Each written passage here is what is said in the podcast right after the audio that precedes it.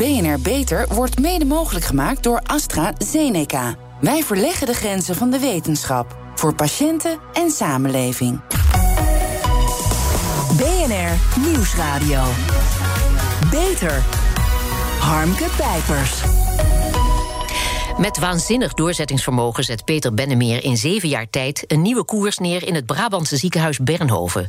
De perverse beloningsprikkels eruit, artsen verantwoordelijk maken en gedegen afspraken met zorgverzekeraars, zodat er niet meer zorg, maar meer zinnige zorg kan worden gegeven. Dat levert enorme besparingen en zelfs winst op en betrokken personeel en een grotere patiënttevredenheid. Zou dit dan de oplossing zijn voor de almaar stijgende zorgkosten in de toekomst? Peter Bennemeer schreef er een boek over, De Ingreep, hoe een buitenstaander het ziekenhuis beter maakte. En hij is vandaag mijn gast. Peter, je was topman in de voedselsector en besloot de overstap te maken naar een maatschappelijke functie als bestuurder van het Brabantse ziekenhuis Bernhoven in Uden. Met welke verwachtingen, welke opvattingen over de zorg ging je aan de slag? Nou, ik ging daar heel neutraal in. Uh, maar wel met uh, de missie die ik voor mezelf had geformuleerd. om iets te doen waardoor de zorgkosten en de zorg in zijn algemeenheid toegankelijk en beheersbaar zouden blijven. Dus met een open vizier. De verschillen met het bedrijfsleven bleken enorm. Hè. Er werden plannen gemaakt, maar die werden niet uitgevoerd. De besluitvorming ging met factor 3 schrijf je. Alles duurde drie keer zo lang. Waar lag dat aan? Uh, nou, het zijn een aantal factoren. De eerste is dat de overlegstructuren heel erg complex zijn. De tweede is dat er zoveel veranderingen in de zorg zijn dat mensen het idee hebben van nou, ik buk even, dan waait het wel weer over. Ja. En het derde is, um, ziekenhuizen zijn gewoon geen organisaties die, die uh, planmatig kunnen uitvoeren. Ja, en dan waren veel besluiten ook nog gebaseerd op meningen en buikgevoel, niet op feiten. En dat in een cultuur waar tussen medisch specialisten en bestuur veel wantrouwen was. Het klinkt als een onwillige schoolklas. Hoe heb je dat volgehouden? um, Nou ja, ik ben het type die als hij ergens aan begint, hoe ingewikkelder, hoe leuker. Oh. Um, en als ik uh, het noorden op mijn versier heb, dan hou ik koers. Ja, nou de financiën van het ziekenhuis vormden de grootste uitdaging, heb ik begrepen. Want elk jaar moeten door zoveel mogelijk desnoods overbodige behandelingen uit te voeren budgetplafonds worden gehaald. Hè? Dat om te voorkomen dat in de onderhandelingen met verzekeraars de budgetten niet worden verlaagd. Niet alleen de artsen, maar ook de ziekenhuizen zelf werkten eraan mee en houden dit in stand. En al die behandelingen gebeurden zogenaamd in het belang van de patiënt, maar waren eigenlijk alleen maar goed voor de eigen portemonnee. Ja, dat is toch eigenlijk te gek voor woorden. Ja, als je daar als buitenstaander naar kijkt, dan, dan schrik je wel. Hmm. Als je de verdieping ingaat, dan is het natuurlijk niet zo dat artsen dit zonder reden doen. Uh, ze, hebben, uh, ze hebben ook best wel de overtuiging dat dit uh, goed is voor de patiënt. Ehm, maar dat is ja, in de praktijk blijkt dat toch allemaal wat genuanceerder te liggen. Mm-hmm. En uh, het, is, het is inderdaad uh, vrij eenvoudig om omzet te genereren in een ziekenhuis. Dat heeft me wel verbaasd. Ja, het resultaat daarvan, ik citeer nu uit je boek, is samenvattend: De patiënt is een onuitputtelijke bron van inkomsten, maar heeft geen tegenmacht. Ja. Met als gevolg ja. onnodige zorg? Ja, ik denk dat dat een, een, een gedeelte uh, als, als, als consequentie is. En de, het is ook een uitspraak die een arts heeft gedaan. Dat vond ik eigenlijk wel, uh, wel uh, schokkend. Ja. dat het besef er wel is. Mm. maar nogmaals, ik denk dat in, in, in zijn algemeenheid de intentie de juiste is. Uh, alleen uh, de praktijk uh, die vertaalt dat op een andere manier. Ja, en de verzekeraars die zouden daar dus invloed op moeten uitoefenen, maar die waren juist de belemmerende factor om een goed beleid te volgen. Er was geen lange termijnvisie, afspraken waren vaak niet eens rond, terwijl het contractjaar al voorbij was. Terwijl de verzekeraars dus ook belang hebben bij lagere kosten. Ja, verre van efficiënt dus. Waarom was die, ja. was die prikkel er niet? Nou ja, kijk, als je alleen maar op prijs focust dan vergeet je de belangrijkste variabele, dat is namelijk het volume. Ja. En eh, op het moment dat die prijs iedere keer gedrukt wordt, dan gaat het volume omhoog. Want je moet uiteindelijk, je wilt toch je plafond uh, maken. En als je in die zin te veel op die getallen focust en niet is die zorg zinnig voor de patiënt, ja, dan krijg je natuurlijk dat dit soort dingen zich langzaam aan het ontwikkelen gaan. Hè? Ja. Kennelijk. Want als eerste ziekenhuis eh, sloot Bernhoven een meerjarencontract hè, met zorgverzekeraar CZ. In ruil voor financiële zekerheid moet het ziekenhuis zich vijf jaar lang contractueel vastleggen op een jaarlijkse verlaging van de schadelast. Dat wil zeggen, er moeten minder zorgkosten bij de zorgverzekeraar worden gedeclareerd. Er moesten minder zorgkosten worden gedeclareerd. Dat moet je even uitleggen. Nou, ik, het, het, ligt uh, toch iets anders. Ik oh. ben op een gegeven moment uh, naar de zorgverzekeraar gegaan en heb gezegd: als ik nou een contract kan krijgen van meer jaren, ja. in dit geval vijf, dan ben ik bereid om mij te committeren om per jaar twee jaar aan reductie aan, aan kosten te krijgen. Dus 10% over vijf jaar. Ja. Uh, maar dan heb ik wel uh, een basis nodig om zo'n herstructurering door te voeren. Ja. Anders gaat me dat niet lukken. Dus ik heb eigenlijk getracht uh, de vicieuze cirkel te doorbreken op twee manieren. Eén, ik wil een lange termijn contract. En twee, mijn commitment is dat ik jullie dan ook een lagere zorgkosten uh, uh, ga geven. Ja, en Bernhoven maakte binnen een paar jaar veel minder kosten. Maar jullie zagen wel meer patiënten. Dat laat wel zien hoe nodig het was. Hoeveel overbodige zorgen voor die tijd werd gegeven, hè? Ja. Ja. ja ik denk dat je kunt zeggen dat er in zijn algemeenheid tussen de uh, 15 en 25 procent van de zorg in de meeste gevallen overbodig is. Ja. Maar hoe dan ook, want binnen drie jaar tijd werd de schadelast zelfs 16% minder. Hoe kreeg je dat zo snel voor elkaar? Nou, kijk, toen, toen ik de arts had gevraagd om na te denken over wat zijn nou zinnige zorgactiviteiten? Hmm. Um, dat was een, een, echt wel een mentale beweging. Toen zijn er honderd initiatieven gekomen. En ieder initiatief werd uh, geleid door een dokter. En op het moment dat je met elkaar dit soort dingen doet, dan wordt het een mindset. Dan ja. gaat het niet meer alleen over die initiatieven, maar dan is al het handelen is gericht op wat is het beste voor die patiënt. Ja. En, en dan gaat er een momentum komen wat eigenlijk een veel groter effect heeft dan alleen die initiatieven die je op dat moment loslaat. Want dan gaat de hele organisatie zo acteren. Ja, maar geef eens een paar voorbeelden. Waar, waar werd op bezuinigd? Waar kon dat? Nou, ik geef een voorbeeld. Um, dat is een, een, een hele simpele. Uh, als je kijkt naar oogheelkunde. Uh, tot voordat wij uh, met die initiatief begonnen, werden alle patiënten doorgestuurd naar de oogarts. Daar hebben we, daar hebben we een, uh, een optometrist tussen gezet. Mm -hmm. En die is toen als eerste filter naar de patiënten gaan kijken. Nou, dan zie je dat ongeveer 60% van de patiënten niet meer naar de oogarts hoeft.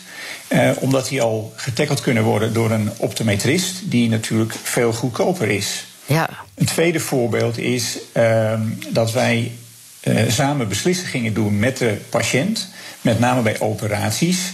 Moet je denken aan knieoperaties, uh, aan galblaas. En daar zie je dus dat de, de, de, ehm, het aantal operaties tussen de, 15, tussen de 9 en 15 procent dalen. 16% minder schadelast. Hè? Uh, ja. Als je dat bezuinigingspotentieel, hè, want dat was dan in drie jaar, op nationaal niveau zou doortrekken. Uh, hoeveel zou er dan jaarlijks worden be bespaard? Nou, de medisch specialistische zorg doet ongeveer 30 miljard per jaar. Zo. Dus dan zou je bij, uh, bij 16% iets meer dan 4,5 miljard euro uh, kunnen bezuinigen. Ja, maar dat is fantastisch. Ja. Ja is toch een heel groot probleem waarmee we zitten. Van die te hoge zorgkosten is voor een groot deel opgelost. Ja, kijk, op het moment dat je denkt dat je een probleem hebt ja. en, en, je kijkt er zo naar, dan, dan blijft dat probleem. Maar de, in wezen ligt het antwoord op de hoek. Hè? Mm. Uh, en als iedereen uh, zich uh, zou concentreren op zinnige zorg, wat gelukkig steeds meer gebeurt, hè, dat moeten we niet vergeten, daar is echt een hele grote beweging in. Ja. Um, dan doe je minder zorg, dan heb je ook minder personeelsdruk, je hebt ook minder druk uh, op, uh, op de artsen die, uh, die stressen. We weten dat een, een, kwart van de jonge artsen overweegt om te stoppen. Ja. Dus het is een oplossing voor veel meer dan alleen de zorgkosten. Ja. De patiënt vindt het ook prettiger. Ja, je hebt ook de tijd mee, in feite. Maar onder jouw aanvoering werden onder meer verbeterprojecten op de afdeling gezet. Hè. Minder verpleeguren, minder OK-uren waren er nodig. Er kwamen ervaren specialisten op de spoedeisende eerste hulp, ook heel fijn. Maar om dat te bereiken had je allereerst de medewerking van het personeel nodig. En dat kreeg je niet zomaar, heb ik begrepen. Wat, wat was er nodig om draagvlak voor al die veranderingen te krijgen? Nou, het, het, eerste denk ik dat, dat mensen moeten het gevoel hebben: ik kom ergens mijn bed vooruit wat zinvol is. Ja, dus, dus die maatschappelijke strategie waarbij we elkaar hebben beloofd: als we dit doen, dan wordt de burger er beter van. En BV Nederland houdt de zorg betaalbaar en toegankelijk. Ja. Dat was een hele belangrijke drijfveer. Het tweede is: op het moment dat je. Uh, de dokters in de lead zet en ook de verantwoordelijkheid geeft om de medische strategie uh, te bepalen, dan komt er eigenaarschap. En de derde is, en we hebben heel veel aan cultuur gedaan, om de rugzakjes die tussen de verschillende geledingen in zo'n ziekenhuis is, om die uh, te niet te doen en het gesprek met elkaar te voeren, ja. zodat mensen niet op de tribune zitten aanschouwend kijken, maar op het veld staan en de dingen doen die gedaan moeten worden. Ja. ja, wat ik opmerkelijk vind is dat de dokters die voorheen georganiseerd in maatschappen een soort tegenmacht vormden. Jij noemt dat in je boek hindermacht. Dat ze zelf verantwoordelijk werden gemaakt voor de resultaten van het ziekenhuis. Hè. Dat commitment had je. Want zij waren degene die het uiteindelijke werk uitvoeren. Maar dat waren ze voorheen kennelijk dus niet. Dat is toch ook merkwaardig? Nou ja, kijk, in, in heel veel ziekenhuizen is de medische staf in een vereniging georganiseerd. Ja. En hebben ze geen formele verantwoordelijkheid in het beleid en uh, de resultaten van het ziekenhuis. Ze zijn een onderdeel. Ja. Maar het is wel de kerncompetentie van je huis. Ja. Nou, in mijn oude wereld is het ondenkbaar dat een kerncompetentie niet in het bestuur zit. En op het moment dat je ze formeel verantwoordelijk maakt, hebben ze ook formeel een, een verantwoordelijkheid om de dingen die ze zelf creëren of die ze ontdekken, om die op te lossen. Ja. En als ze niet formeel verantwoordelijk zijn, dan wordt het doorgeschoven naar het bestuur en die moet het dan maar oplossen. Ja. Ja, ergens ook wel makkelijk voor de artsen. Hè? Wel een hoog inkomen verdienen. Geen 165.000 lees ik in je boek, maar in werkelijkheid 265.000. Moeten nog wel allerlei kosten af hoor. Zonder werkelijke verantwoordelijkheid te dragen. Maar veel artsen werken in hun eigen exclusieve maatschappen. En wilden dus de voordelen die daaraan zitten, die wilden ze niet opgeven. Die kregen de mogelijkheid om zich voor een ton te laten uitkopen uit de maatschap. Werden vervolgens de aandeelhouder van het ziekenhuis. Heel slim, want zodoende werden ze dus, uh, kregen ze parallele belangen. Hè? Hetzelfde als het ziekenhuis. Ja. Maar waarom had je er zoveel haast mee om die artsen in loondienst te nemen? Want de jonge artsen, uh, ja, dat zei je al eigenlijk, die willen zich niet meer uh, committeren hieraan. Die willen niet meer zo'n leven leiden en uh, met veel haast en stress en idiote uren enzovoort. Ook het feit dat inmiddels een groot deel van de specialisten vrouwen zijn, heeft die ontwikkeling versterkt. Dus je had het ook kunnen uitzitten, maar daar heb je niet voor gekozen. Het moest veranderen en snel. Ja, kijk, ik geloof niet um, in, in zo'n complexe organisatie is het draaien aan één of twee tandwieltjes niet voldoende om, om zo'n beweging in gang te krijgen. Um, je moet dit op verschillende fronten tegelijk aangaan. En dan moet je ook tempo erin houden. En wij hadden het geluk dat ook uh, op dat moment Schippers natuurlijk die hele discussie met de artsen uh, in een versnelling bracht. Ja. En ja, in mijn oude wereld is het volstrekt normaal dat je op loondienst uh, staat, maar dat je ook mede-eigenaar bent als aandeelhouder. Ja. En het fiscale probleem, dat heb ik simpelweg opgelost door uh, als aandeelhouder is er ook een uitkering, in dit geval een interest-uitkering, waardoor je mhm. een stukje compenseert. Ja, ja. ja, Soms is het uh, niet zo ingewikkeld als het lijkt hoor. Ja. Nou ja, ik heb het gelezen. ik kan het u niet nadoen, maar het is volstrekt helder en heel begrijpelijk en een fantastische oplossing. Want wat de maatschappij nodig heeft, is, dat ziekenhuizen minder zorg gaan leveren. Dat staat ook in het boek, dus ook bij Bernhoven. Dat hield onder meer in dat je specialisten binnenhaalde en andere specialismen afstoten. Want een ziekenhuis moet, zo schrijf je in je boek, niet alle soorten zorg willen leveren. Welke voordelen leverde dat op? Nou, kijk, eh, op het moment dat iedereen hetzelfde levert, dan kan je je ook niet onderscheiden. Ja. En op het moment dat je keuzes maakt en je gaat je daarin specialiseren en je, je wil daar het verschil maken, dan worden ook investeringsbeslissingen worden makkelijker. Uh, keuzes wat je wel en niet doet worden makkelijker, omdat je dan een, een gericht uh, met elkaar afgesproken uh, strategie krijgt. Ja. En als je alles wil doen, en we weten dat ook bij zorg, dat je sommige dingen vaak genoeg moet doen ja. om het goed te doen. Plus, je hebt ook een bepaalde kritische massa nodig om diensten te kunnen draaien. Ja, en dan kan je maar beter sommige dingen uh, aan een ander overlaten die er beter in is. En dat maakt jezelf geen, geen slechter ziekenhuis. Dan denk, ik denk dat je alleen maar een beter ziekenhuis wordt, want je zit daar voor de patiënt. Hè? Ja. Die instellingen, wij zitten er niet voor onszelf, we zitten hier voor de Nederlandse burger. Nee, maar die overtuiging is lang anders geweest. Hè? Ook niet onbelangrijk, minder overbodige zorg. Dat betekent dus op den duur wellicht minder ziekenhuizen. Maar wat jou betreft, heb ik begrepen, niet minder spoedeisende hulp en geboortezorg. Want die moeten 24 uur per dag beschikbaar zijn, net als de brandweer. Lees ik ook in je boek. Ja, want destijds, weet ik nog, ooit in uh, verkiezingen, de vorige verkiezingen, was dat een heet hangijzer. Hè? Dat als er minder ziekenhuizen moeten komen, hoe moet dat dan met die eerste hulp en met geboortezorg? Ja, nou ja, kijk, ik denk dat er locaties zijn, met name in steden waar je helemaal niet zoveel ziekenhuizen nodig hebt die allemaal uh, spoedeisende hulp uh, geven. Ook hier moet je volgens mij kijken wat is het, de capaciteit die we nodig hebben op basis van de vraag. Um, en soms is het dan verstandiger om op enkele plekken het SCH-stuk uh, te sluiten en het naar één ziekenhuis te brengen die dan alles doet. Want de meeste ziekenhuizen um, waar de populatie geconcentreerd is, zitten zo dicht bij elkaar dat het in tijd geen enkel issue is. Wat je niet wil, is dat in de, in de periferie, waar de afstanden wat langer zijn, eh, dat je daar druk op krijgt. Waarbij we ook niet moeten vergeten dat alle ambulances tegenwoordig zo goed zijn ingericht. Het zijn kleine OK's. Ja. Dus we maken het probleem ook in de praktijk veel groter dan het daadwerkelijk is. Ja. Ja, een andere grote verandering is dat chronische zorg naar de eerste lijn werd verplaatst. Hè. Veel controles voor chronische ziekten kunnen door de huisarts worden gedaan in plaats van door het ziekenhuis. Maar chronische zieken vormen ongeveer een derde van de totale zorg. Dus ja, dat is ook een significant deel van de inkomsten. Chronische zorg is de kurk waar de financiële huishouding op drijft. Hoe compenseer je dat? Nou, als je het bekostigingssysteem gaat veranderen. En je gaat zorgen dat die spoedeisende hulp, dus die acute hulp, die eigenlijk nu ondergefinancierd is in een ziekenhuis, die moeten, uh, daar moeten ziekenhuizen meer geld voor krijgen. En dan kunnen ze die rol ook goed vervullen. Daarom noem ik het ook heel bewust een beschikbaarheidsfunctie. Die is nu eenmaal niet afhankelijk van hoeveel mensen er komen, maar van de beschikbaarheid die je nodig hebt om mensen te kunnen behandelen. Dus het is een beetje een kruissubsidie. En doordat die transparantie in die ziekenhuizen ook zo minimaal aanwezig is, is het ook hartstikke moeilijk voor bestuurders in ziekenhuizen om de keuzes te maken. Want als je die chronische zorg nu niet hebt, dan kan je de belangrijkste rol die je hebt in die acute zorg niet vervullen.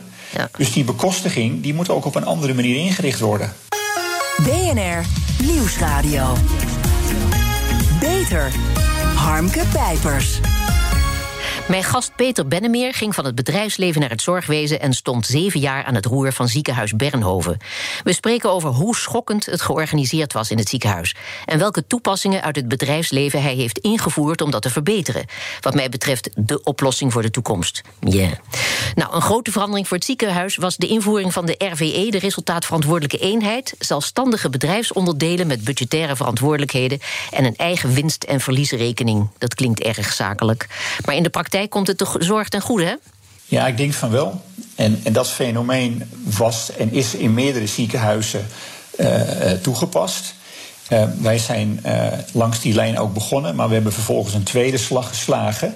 Waarbij we niet meer 18 RVE's hebben, maar vier.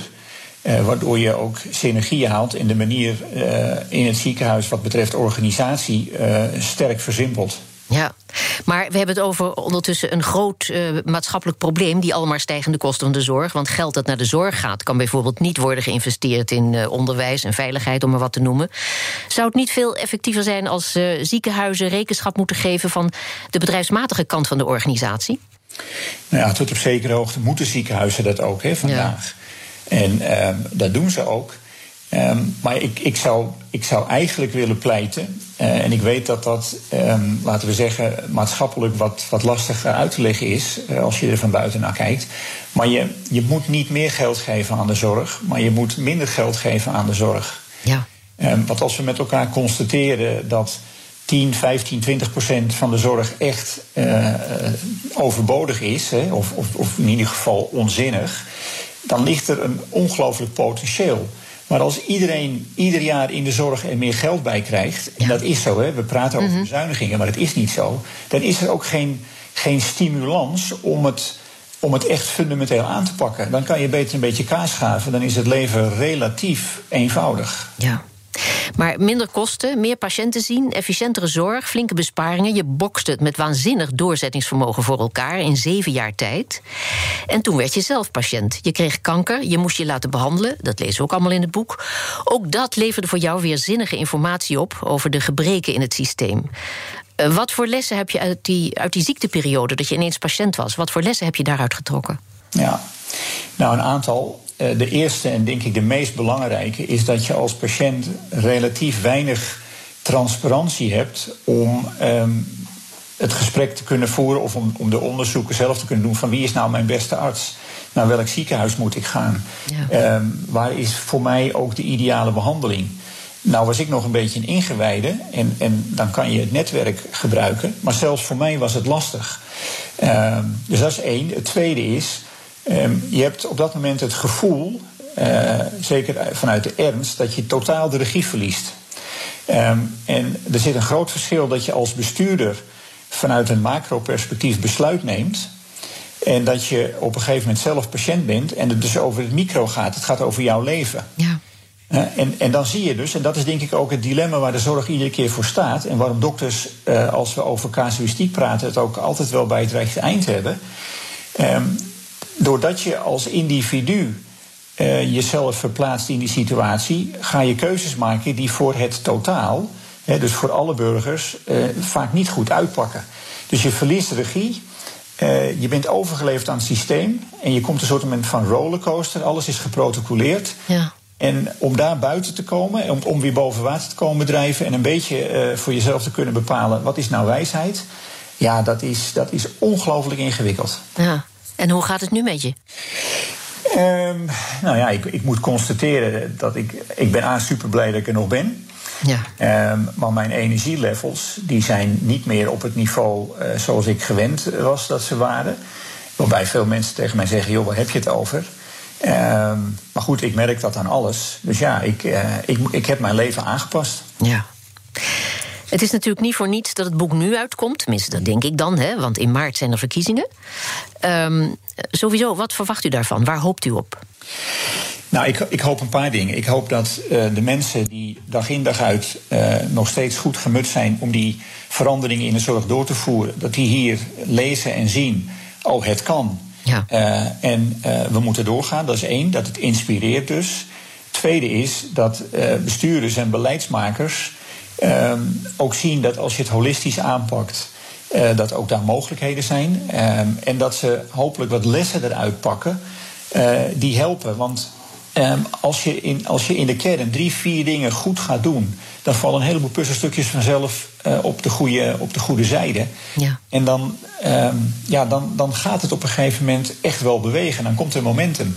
Ja. Dus ja, uh, ik hoop dat politiek, uh, de politiek hier ook uh, de moed heeft om dingen door te pakken. Ja. al contacten wat dat betreft? Of bemoeit u zich daar niet mee? Nou, zeker. het was een van mijn ambities toen ik stopte als bestuurder om op systeemniveau datgene wat ik heb ervaren uh, aan de orde te stellen. Ja. En in de hoop dat ik dan met de kleine beetje invloeden die ik af en toe kan uitoefenen, dat daar toch een, uh, een positieve beweging uit voortkomt. Ja, nou, ik acht het kansrijk, moet je horen wie het zegt. Want de receptuur, zou ik maar zeggen, die is glashelder. Dus uh, daar werd ik erg blij ja. van. Maar, maar kan de overheid afdwingen dat ziekenhuizen samenwerken in plaats van concurreren? Nou ja, kijk, we, doen alsof er marktwerking is, maar dat is ja. natuurlijk niet zo. Hè. Het is minimaal. En um, als ik um, bepaalde politici hoor zeggen dat de samenwerking uh, niet komt omdat er, omdat er marktwerking is, dat is echt onzin. Want juist bij marktwerking is samenwerking een noodzaak. Want je moet namelijk de hele waardeketen moet je met elkaar optimaal bedienen. Dat is wat de markt doet.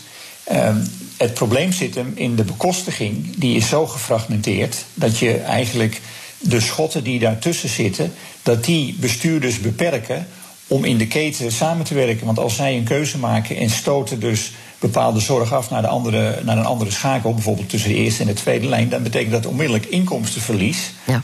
En als je marginale marges maakt en je verliest 5, 6 procent van je omzet, dan zit je in de rode cijfers. Ja.